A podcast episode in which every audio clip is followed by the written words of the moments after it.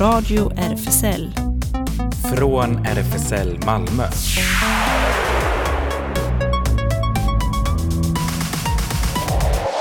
Välkommen till Radio RFSL, Riksförbundet för homosexuellas, bisexuellas, transpersoners, queeras och intersexpersoners rättigheter.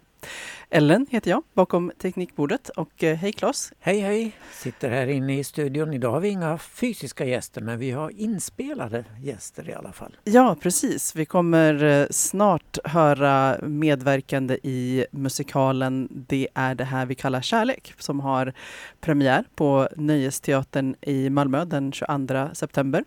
Eh, då blir det regissören Hans Marklund och eh, skådespelaren Magnus Skogsberg Tier som vi får höra.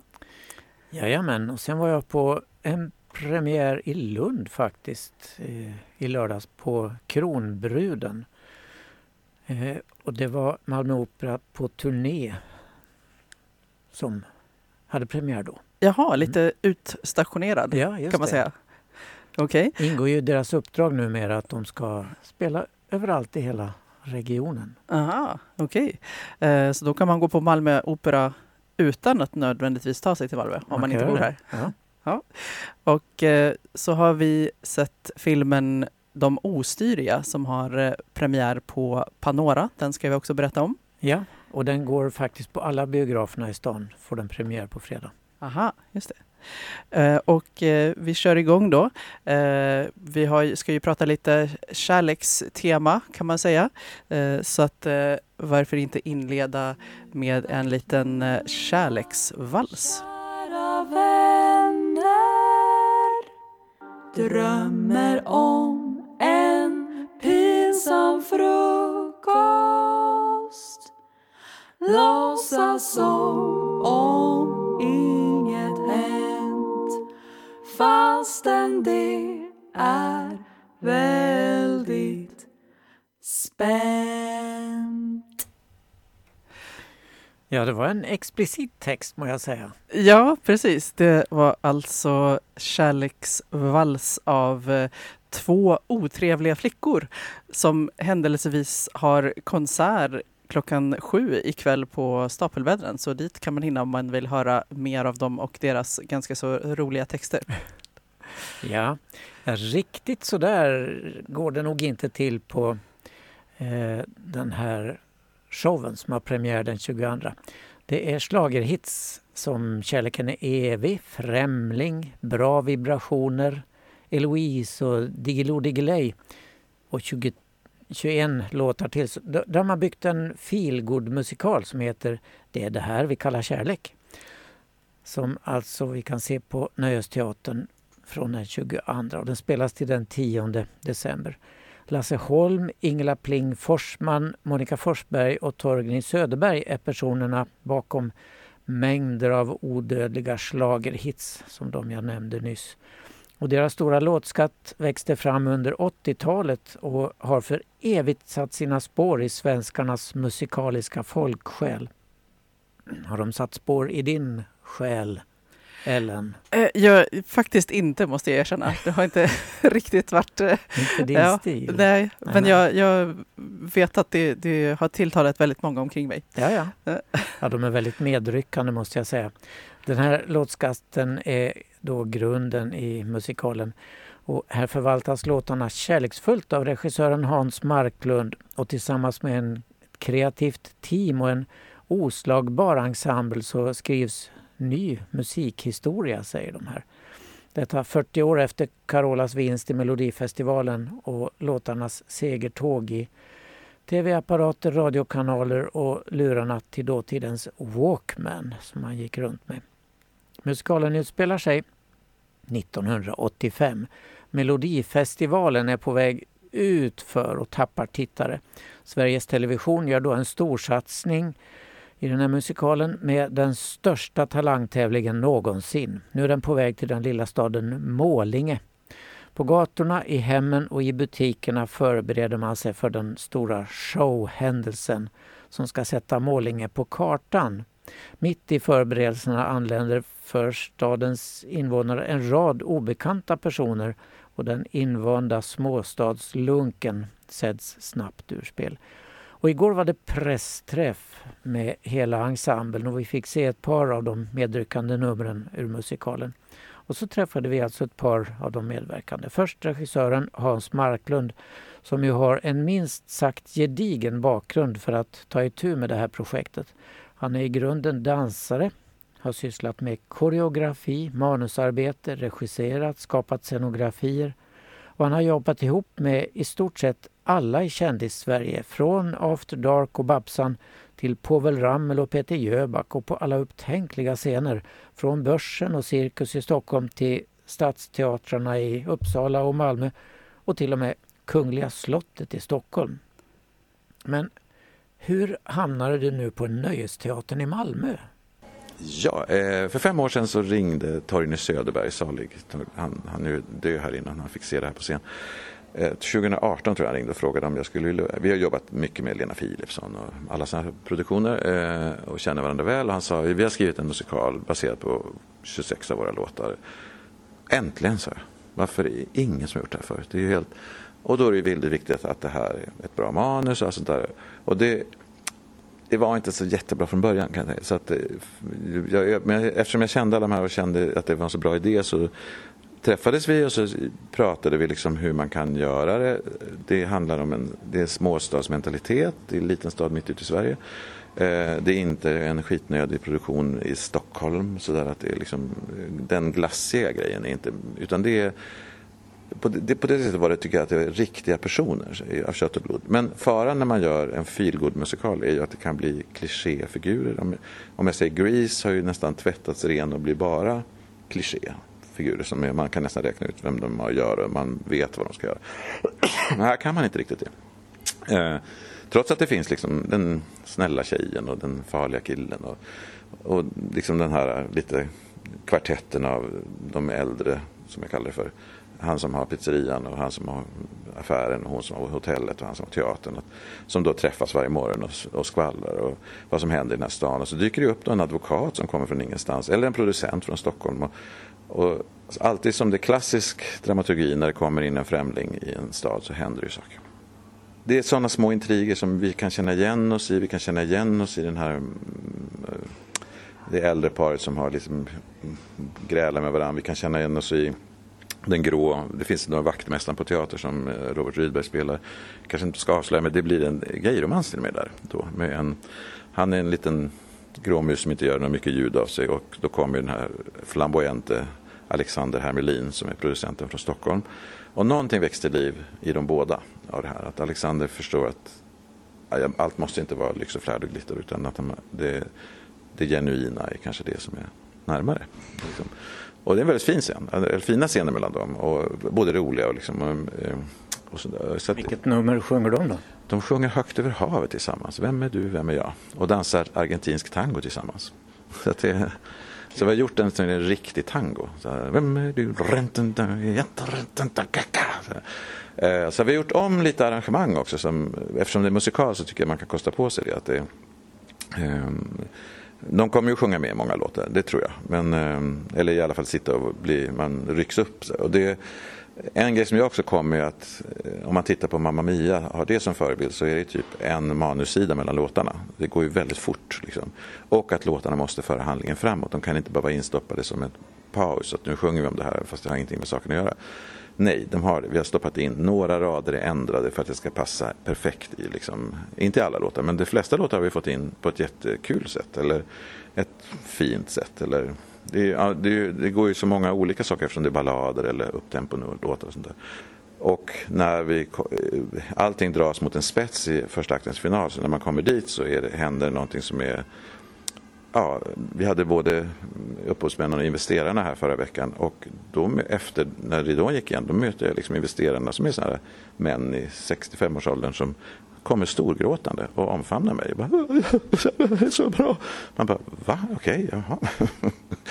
Nej men för att de var så tagna. Det blev, och att vi har lagt ner, det var ju väldigt viktigt för mig också att inte göra musikalkliché att de vi valde, vi hade en ganska lång eh, process för att hitta. Nu har vi också valt folk som är fantastiska sångare och dansare och väldigt bra skådisar. Och de som är äldre, alltså de som spelar 40-50 eh, rollerna är väldigt fint utvalda och sen de andra är väldigt unga och ganska nya. Det är många som är helt nyutexaminerade från olika musik, musikalskolor och sånt där. Men eh, väldigt, väldigt bra skådisar redan. Och det är där det skiljer sig tycker jag. Vi har ju verkligen gått in för att det ska vara naturalism och det ska vara på riktigt. De här karaktärerna finns. Eh, så det tror jag kommer vara den stora skillnaden från en glättig sån här musikal. Att man, de här människorna är ju, för det är ju feelgood och det, det är fluff. Det måste jag säga. Det är, det, men det är ändå skärmigt, gulligt, sorgligt, varmt, roligt. Och på riktigt, de här människorna finns. Jag känner igen de här människorna. Jag kommer från Umeå så jag känner igen att de här, det fanns sådana här människor på 80-talet. Jag tycker det är ett, en fantastisk ensemble som är grym. Alltså jag tror att gör vi nu, får vi ihop det här nu till för första publik på lördag tror jag. Men jag tror att det kommer. Det såg, jag hoppas att det såg proffsigt ut det du Det såg. såg jätteproffsigt ut, jättekul. Och medryckande och dansnummer. Ja, för jag har gjort både koreografi och regi. Du är dansare från Ja, början. från början. Så att jag är lite trött. Det är 26 nummer som man... Åh herregud. Eh, Så att det har varit korvstoppning kan jag säga. Men jag hade inte jag har bra assistenter också som hjälper.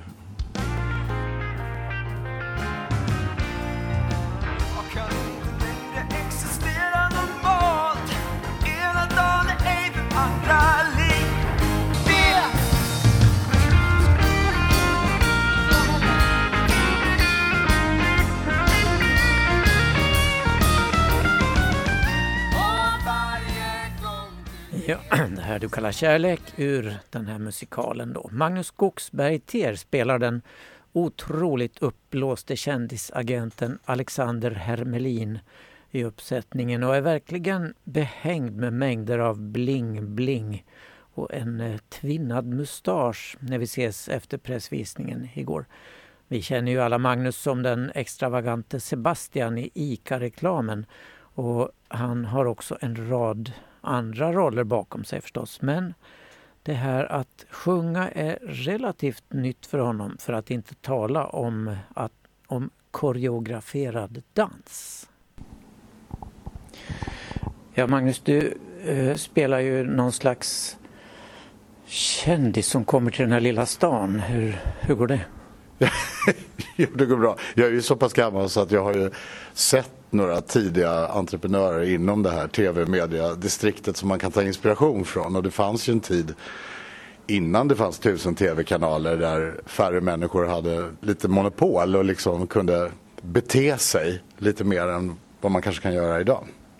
Så att eh, jag tänker på dem och kokar ihop en soppa av de människorna. Men hans uppdrag i den här pjäsen, är ju, eller den här musikalen, är ju att sparka igång eh, schlagertraditionen igen. För den var ju inte så omtyckt på 70-talet. Så att han har ju själv en karriär som står på spel lite grann. Och du är utstyrd å det häftigaste Ja. med snurr, snurrebart och allt. Snurrebart. Ja, det är, på norska heter det så. Men, Ja, snurrebart. Jaha, du menar mustaschen med... Ja, tack. Nej, men eh, det är likadant där. Alltså, det har ju funnits personer som man... Ja, man kan väl namnge någon, men Nalle Knutsson tror jag inte hade funnits idag. Men eh, han hade ju liksom frispel och en egen tv-show och så, här. så Så de här extrema personerna som fick mediautrymme på 80-talet är roliga att tänka på, helt enkelt. Så jag, jag har inspirerat mig, och kostym och mask har inspirerats av det. Det är roligt och din figur får ju ihop det med en annan man i föreställningen har jag fått höra. Jaså, det har du hört. Är det sant? det får vi se. ja. ja, nej men det, hela musikalen handlar ju om hur kärleken ta, kan ta sig outgrundliga vägar och att det är kanske genom musiken som det händer. Och det tycker jag är en, en vacker bild av, även för mig personligen, vad musiken kan betyda. Jag kom ju in i musik ganska sent i livet. Jag har alltid gillat musik, men jag började ju sjunga när jag var 48. Så, och jag har ju redan kommit ut ur min gaygarderob för jättelänge sedan så det här var en ny rolig garderob att komma ut ur. Och jag, nu kommer jag ut ur ännu en garderob, och musikalgarderoben. Så att äh, det, förhoppningsvis kan det vara inspirerande för, för alla människor att sitta inte på några hemligheter som ni drömmer om och vill göra för man har bara ett liv. Hur har det gått? Hur känns det? Nej men det har varit så, alltså det här är ju kul. Jag har ju nypit mig i armen. Hans Marklund har jag ju levt med parallellt i Stockholm på olika kreativa fronter och känner på omvägar lite så här och alltid tyckt att han är jätte, jätteduktig så att jag känner mig väldigt trygg i hans händer. Svårt att vara 62 och ta koreografi kan jag säga. Det är en del av hjärnan som aldrig har utnyttjats förut. Men det finns ju forskning på att om du börjar dansa sent i livet så utvecklas nya hjärnceller just i de områdena. Och då kan jag säga att det kan jag på riktigt känna att någonting har hänt. Börjar liksom fatta, inte så att jag inte är dansant, men just koreografi på exakta ställen, det är för jävligt om man får säga det i radio och när man börjar med det sent. Men eh, det har varit en utmaning. kräver ju koordination och allt sånt där som... Jo tack. Koordination och eh, jag har sagt till vänsterben att det ska göra precis sådär tusen gånger. De, de skrattar ju åt mig här. De säger ta, ta det lugnt farbror, det kommer att sätta sig. men det gör det. Plötsligt så trillar en krona ner. Men mycket långsammare för mig än alla andra. Men jag är ju omgiven av musikalartister som precis är nu utexaminerade efter fyra års studier. Så att jag har ju, har ju bästa lärarna runt omkring mig. Men också enormt kapabla människor. Alltså det är en fantastisk ensemble. Och en ost till! Yeah! Wey! Help.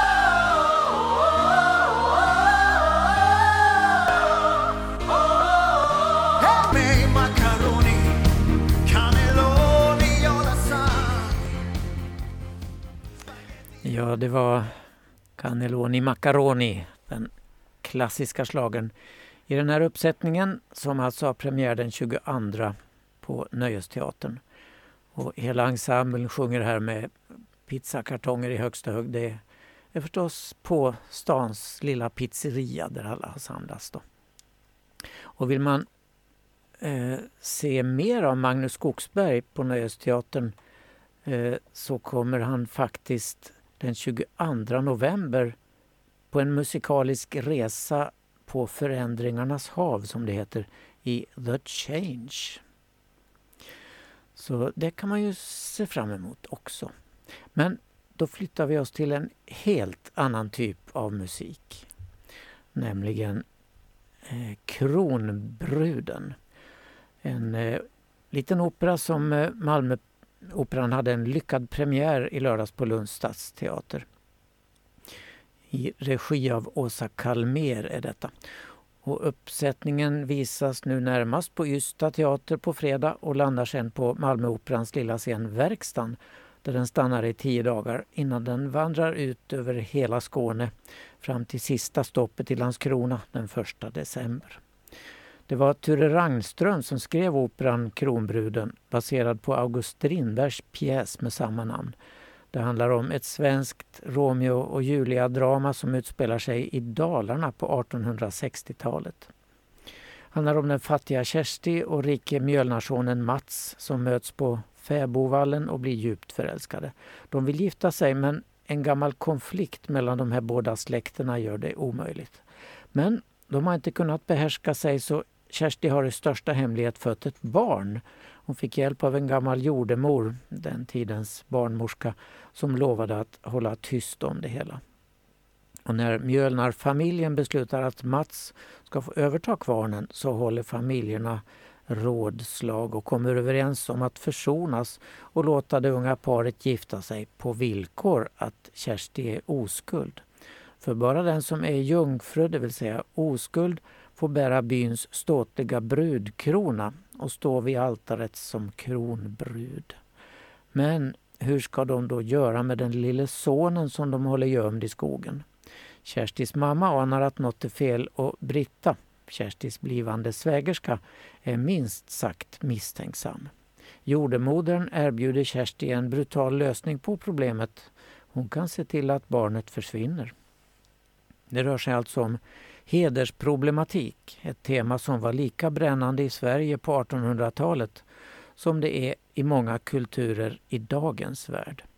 Detta var något som även drabbat August Strindberg själv. Han skrev dramat Kronbruden 1901 och hade 25 år tidigare drabbats av samhällets konventioner och krav då han och skådespelerskan Siri von Essen tvingades lämna bort sitt gemensamma barn eftersom de ännu inte var gifta.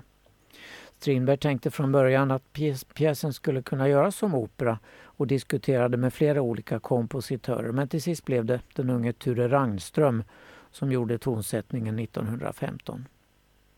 I den version som nu ska turnera i Skåne kan man förstås inte ställa upp med den stora orkester som kompositören skrev för. Det blir istället piano, violin, cello och klarinett med Elena Jordan Ljungqvist på pianot som kapellmästare. De gjorde ett bra jobb så gott de nu kunde men det blir ärligt talat ganska tunt jämfört med hur det är skrivet.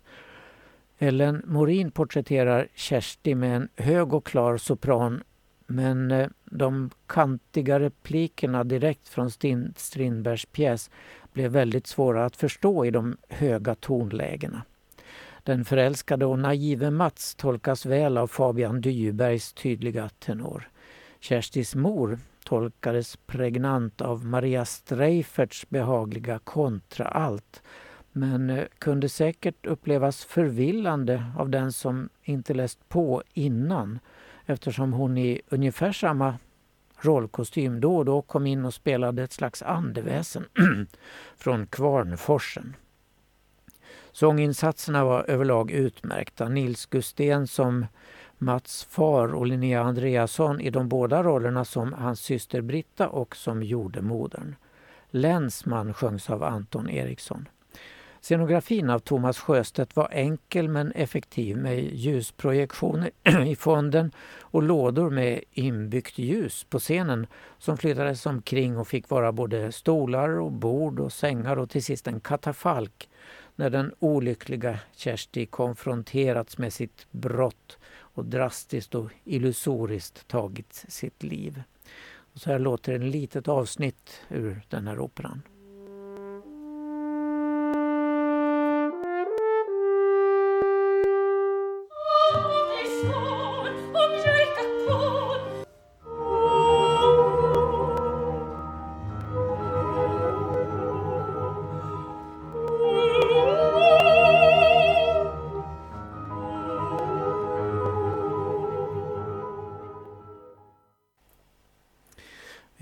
Det var det lilla som finns på Operans hemsida där ni kan hitta mer fakta om den här operan.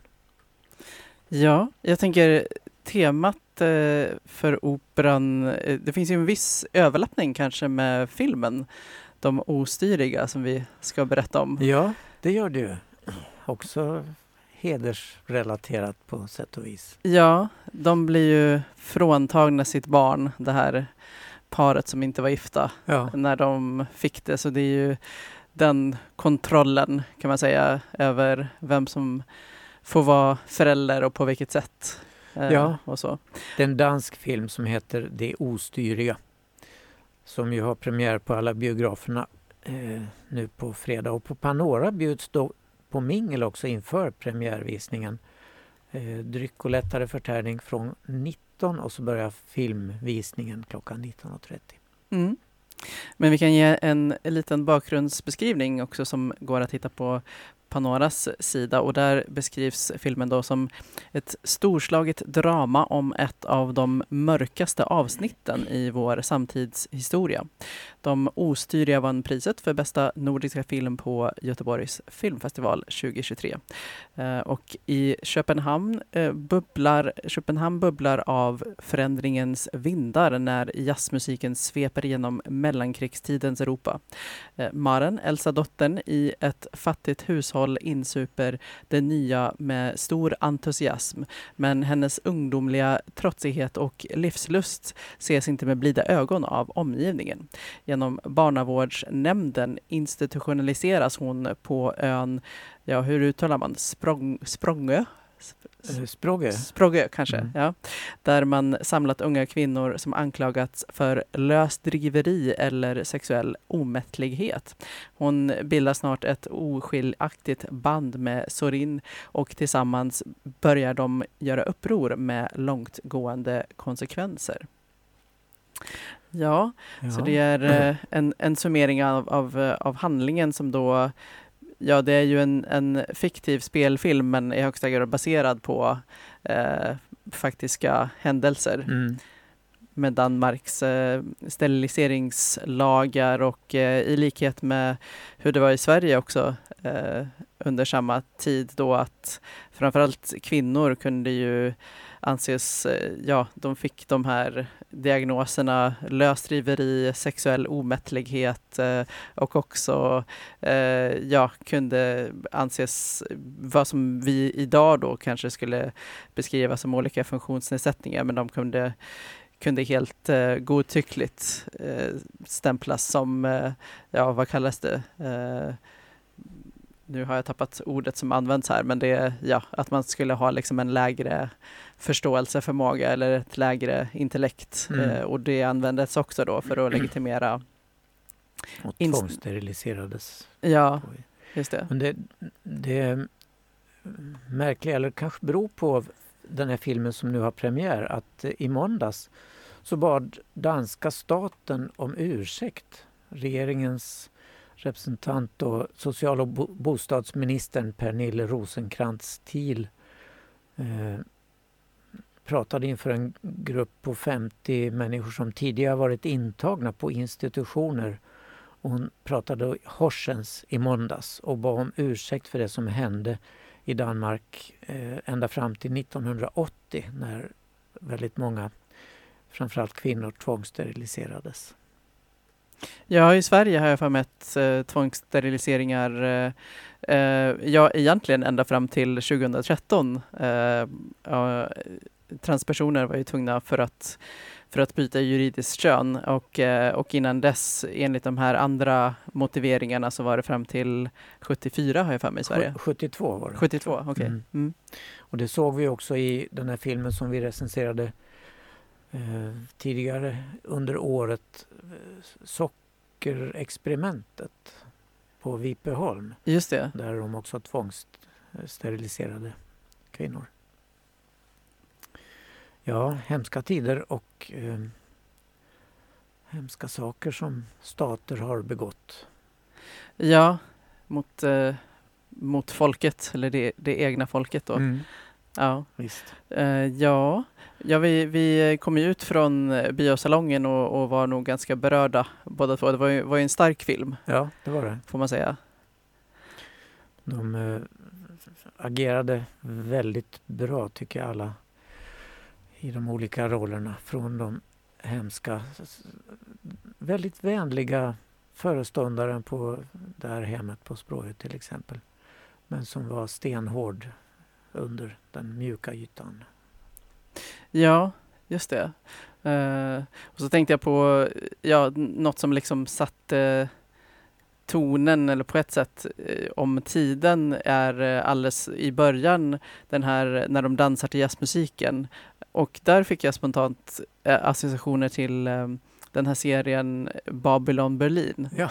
Eh, ja, eh, liknande, liknande stämning där i. Ja, men eh, en av de som var stora i danska jazzvärlden då på 30-talet var Kai Evans. Och det fanns en inspelning här, Murder in the Madhouse, som låter som precis det som de dansade till i filmen.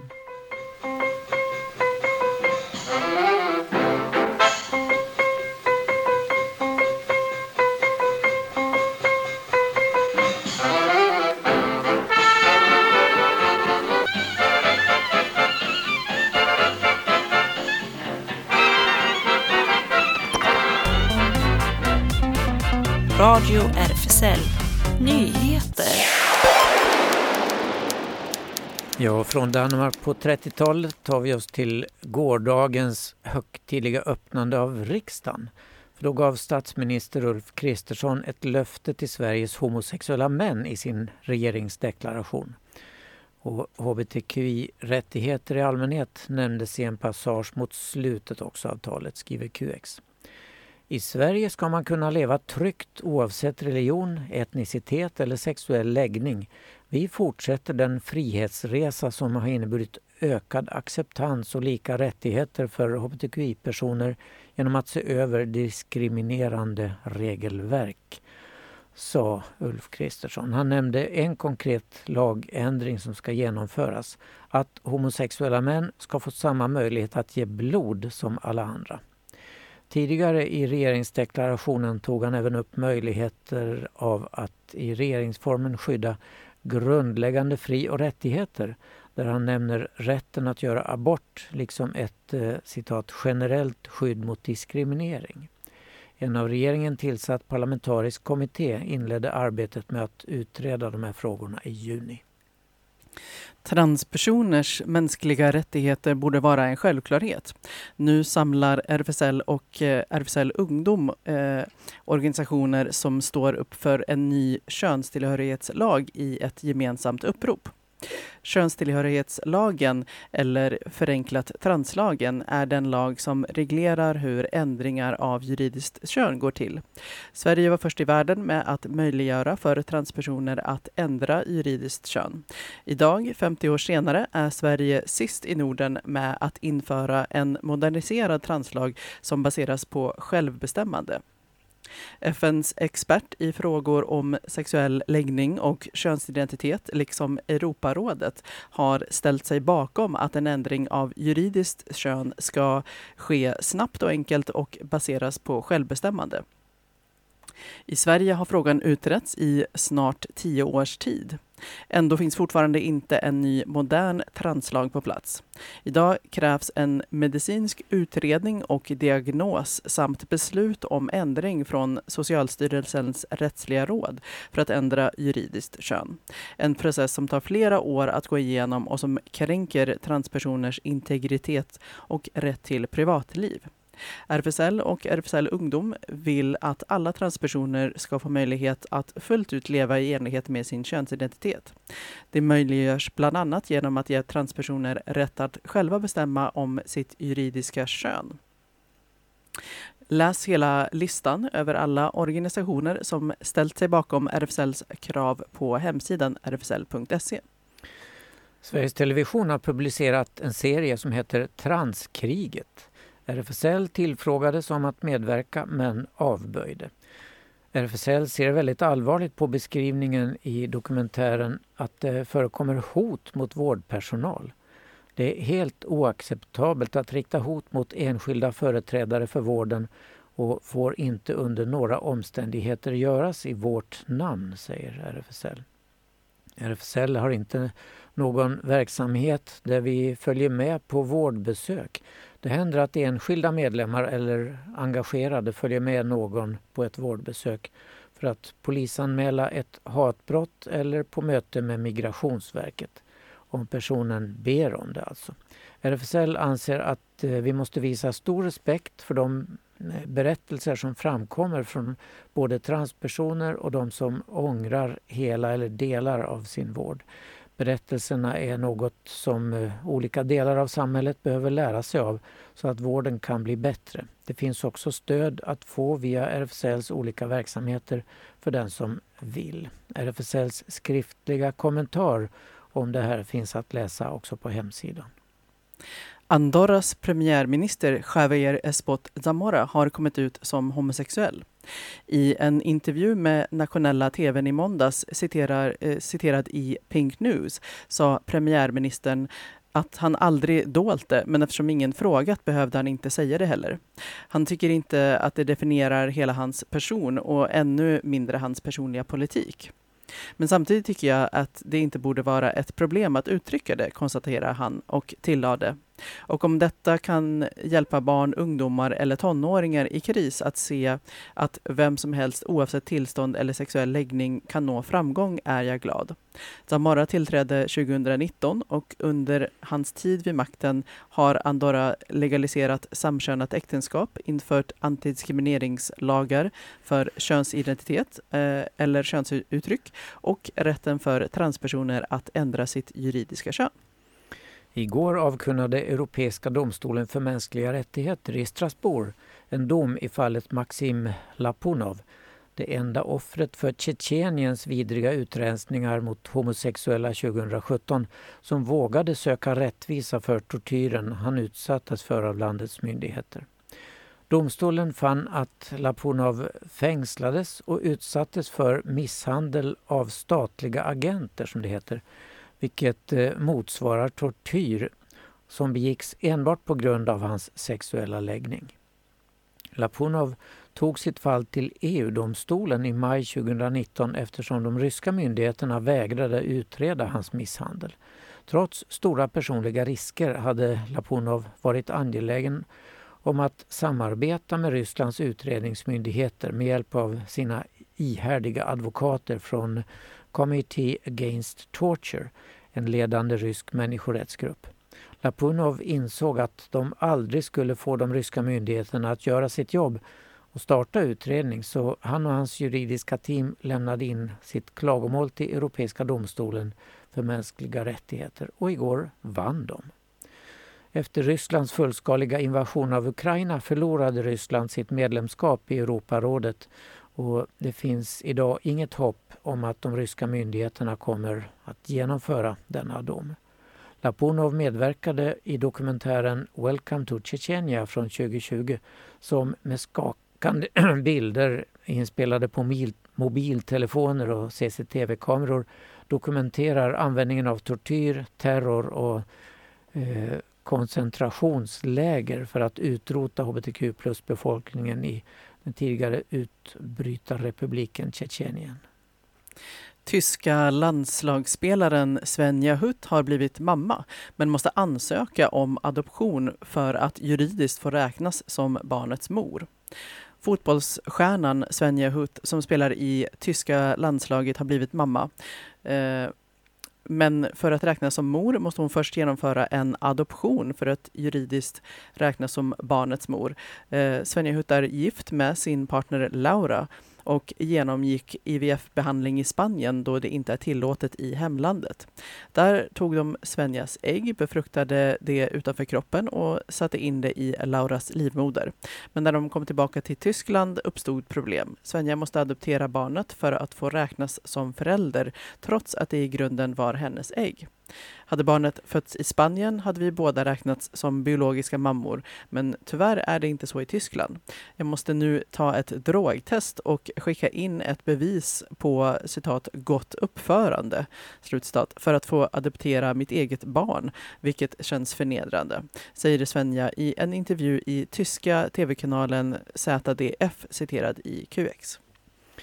Hen är en protest mot människor som felkönar och nu albumdebuterar artisten Mo med detta. Mitt efternamn är Sand och sand finns i öknen. Där är det torrt och varmt, precis som i helvetet. Så beskriver artisten Mo, som är 27 år, en del av sin icke-binära resa i sitt debutalbum som heter Hen. Albumet släpptes i fredags. Som barn beskriver Mo att eh, något inte kändes riktigt rätt.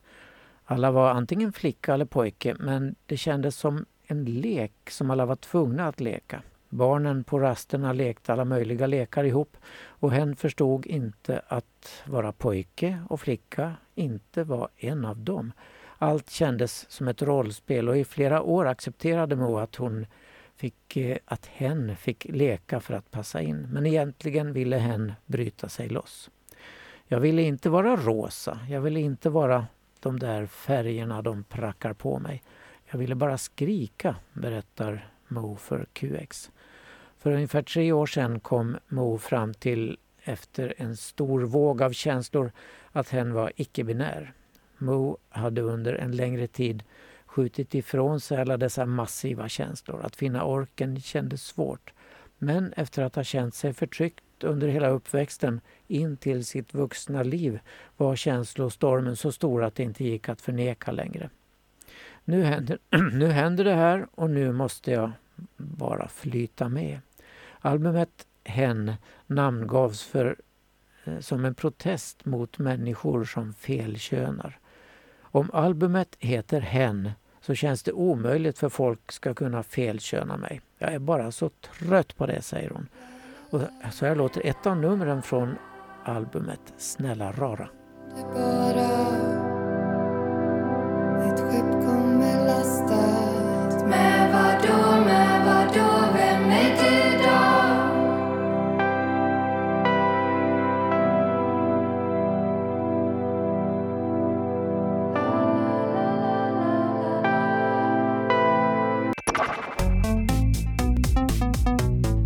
Radio RFSL. Det händer! Ja, det händer ju hela tiden saker. RFSL Malmö flyttar till exempel till den nya adressen Stora Nygatan 42. Det börjar komma i ordning i lokalerna nu så ni får komma och kolla. Men att för, vet, för att få veta vad som händer i vår expanderande verksamhet så kan man kolla in våra sociala medier som Facebook och Insta. RFSL Malmö har öppet café på torsdagarna och seniorkafé på söndagarna också klockan 13 till 16. Space Malmö har fortfarande sommaruppehåll men kolla info på Space Insta-sida.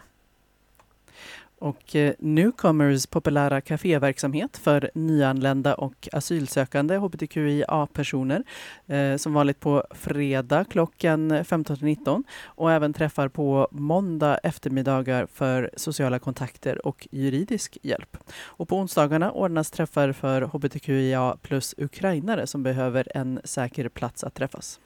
Habitat Q, ungdomshänget, har kommit igång igen efter sommaruppehållet. Man kan kolla på Facebook eller på Insta och där är det snabel habitat understreck Q och DMa för att få veta var och när man kan träffas. SLM Malmö håller till på Sallerupsvägen 30. Det är en medlemsklubb bara för män. Kolla hemsidan slmmalmo.se där specialträffar annonseras. I vanliga veckor gäller eh, det här schemat. Tisdagar pub öppen 20 till 24 men dörren stänger 22. Och lördagar klubb öppen 22 till 02 men dörren stänger vid midnatt. Och på lilla biografen Hypnos eh, på Norra Grängesbergsgatan imorgon klockan 19 kan man se Oranges are not the only fruit. Och det är avsnitt två av denna hyllade eh, serien som är baserad på boken av Jeanette Winterson. Och en del tre visas nästa vecka den 21. Ett banbrytande tv-verk har det kallats. Och kvällen bjuder också på en överraskning, en bra queer kortfilm. Och också imorgon torsdag eh, 19 till 20 blir det Queer diskussionsgrupp på Page 28. Eh, de har kommit igång igen för hösten. Eh, en gång i veckan ses man eh, och eh, kan diskutera olika teman på Page 28. Diskussionerna leds av Tove Aida, Jusser och Elin, eh, såvida inget annat anges, säger de. Eh, och eh, det kan också komma att bli på engelska beroende på vilka som kommer. Vi bjuder på kaffe och te, står det också. Så det är page 28. Just det. Imorgon torsdag firar Club Mermaid sitt ettårsjubileum på Grand på Månbybrogatan i Malmö. Stort party utlovas med otroliga gäster på Grand klockan 19 till 23. Det blir mingel, fiskdamm, quiz, panelsamtal och show. Och biljetter och mer info hittar man på Insta-sidan klubb mermaid. Jag inser nu, gud vad det händer saker imorgon just. Ja, Fast det är Packat! torsdag, man får, man får verkligen flänga liksom mellan biosalong och diskussion och mermaid och ja. Ehm, och eh, på fredag eh, klockan 20 till 21.30 eh, så äger eh, den första av fyra föreställningar eh, 100% raw edition version rum på Bastionen. Eh, verket utforskar perspektiv på identitet och vem vi blir inför oss själva med samhället som spegel. Vad innebär det att vara sig själv till 100 procent när omgivningen inte bekräftar den egna förståelsen för sitt varande? Eh, och eh, vi fick ju faktiskt en inbjudan från eh, Daniel eh, Jeremiah Persson som har eh, skrivit och eh, har huvudrollen i, i verket. Hans egen beskrivningen av föreställningen föreställningen lyder så här. Eh, det är ett intimt verk som behandlar ämnen som adoptionsidentitet och i synnerhet sydkoreansk svensk då det är inspirerat av min egen upplevelse som adopterad. Eh, Utlovar både dans, text och eh, det blir även en installation samt kortdokumentär från mitt första återbesök till Sydkorea 2014 och sökandet efter mina biologiska föräldrar. Eh, Så ja, intimt som sagt, säger han. Ja, och det blir på engelska alltsammans här. Just det. Lite andra toner blir det på Scandic Triangeln också på fredag. Schlagerbaren är tillbaka då. Det är arrangören Jonas Hedqvist som bjuder in till en kväll i regnbågens alla färger med 100% schlager och Eurovision Song Contest med quiz klockan 19 till 21 och sen fest till 01 och inget inträde behöver man betala. Och lördag den 16 blir det Eslöv Pride. En eh, kärleksfest som passar alla, ung som gammal. Gratis underhållning på Stora torg med såväl lokala artister som lite mer kända från eh, klockan 10. Och eh, klockan 15.30 är det samling på Stora torg för Prideparaden som avgår klockan 16 med målet Eslöv kyrka. Vid kyrkan blir det mingel och eh, happenings. Och sen eh, 18 till 19 är det regnbågsmässa. Det kommer finnas mat till försäljning. Föreningar kommer finnas på Stora torg eh, och visa upp sig. Försäljning av Pride-artiklar blir det. Alltsammans i Eslöv. Det tror jag är första gången det är Pride i Eslöv. Ja, eh, mig veterligen Ja. också faktiskt. Ja, premiär. På lördag klockan 16 eh, hyllas Edith Södergran på Palladium i Malmö. I år är det 100 år sedan den banbrytande finlandssvenska poeten Edith Södergran dog i sin tids pandemi, tbc, bara 31 år gammal. Hennes dikter som översatts till fler än 50 språk fortsätter ständigt att beröra nya generationer. I känsloladdade ord och toner hyllas hon nu av två av Sveriges främsta uttolkare av Södergrans konst, nämligen skådespelerskan Stina Ekblad och sångerskan Anna Kruse. Och nästa onsdag den 20 september 18.30 till 19.30 blir det ett eh, föredrag på Malmö stadsarkiv som heter Häxor i Malmö under 1600-talet.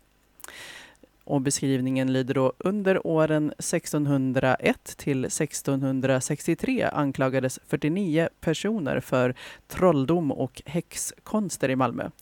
Annette Sarnes, eh, arkivarie, berättar om hur källorna ser ut och vad som hände med de anklagade. År 1617 kom en ny kunglig förordning om trolldom som kom att intensifiera jakten på häxor och trollkarlar i Danmark. Under åren 1601 till 1663 finns det i handlingarna namn på 49 personer som anklagades för trolldom och häxkonster i Malmö. Hur ser källorna ut och vilken information kan man hitta i dem?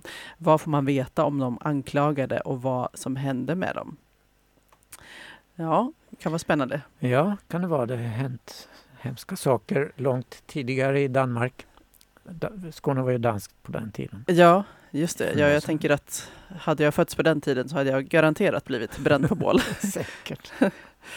Ja, vi kan ju bara kort nämna att eh, nästa veckohelg är det gallerihelg i Malmö och i samband med det blir det en queer salong på page 28. Men det kan vi återkomma till nästa vecka i vår sändning här i Radio RFSL. Ja, just det. Ja, eh, så hade vi kanske inga fler evenemang. Ska vi ta något SVT-tips Eh, kanske? Eller Sveriges, Sveriges Ra- Radio-tips? Jag, jag, jag vet inte om det fortfarande ligger ute, den här eh, gulliga dokumentären om Danmarks yngsta dragqueen. Eh, men i så fall kan man hitta den på SVT Play. Ja, det kan man göra. Man kan söka på Pride så får man upp en jäkla massa olika grejer. Ja, eh, och eh, apropå då den här eh, föreställningen som äger rum fyra gånger med premiär på, nu på fredag på Bastionen, 100 procent, eh, så fick vi en önskelåt som vi kan- kan gå ut med. Den kommer från eh, Daniel Jeremiah Persson då som eh, har önskat eh, Rain Girl med Yaeji. Och då säger vi tack för idag. Hej då hörni! Hej då!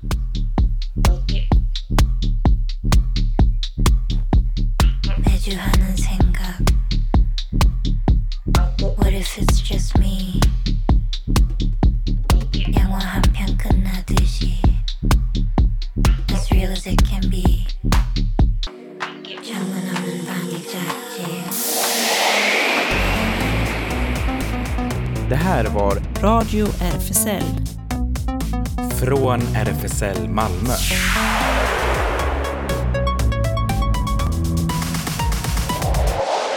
Kolla in Radio RFSL på Instagram och Facebook för mer information.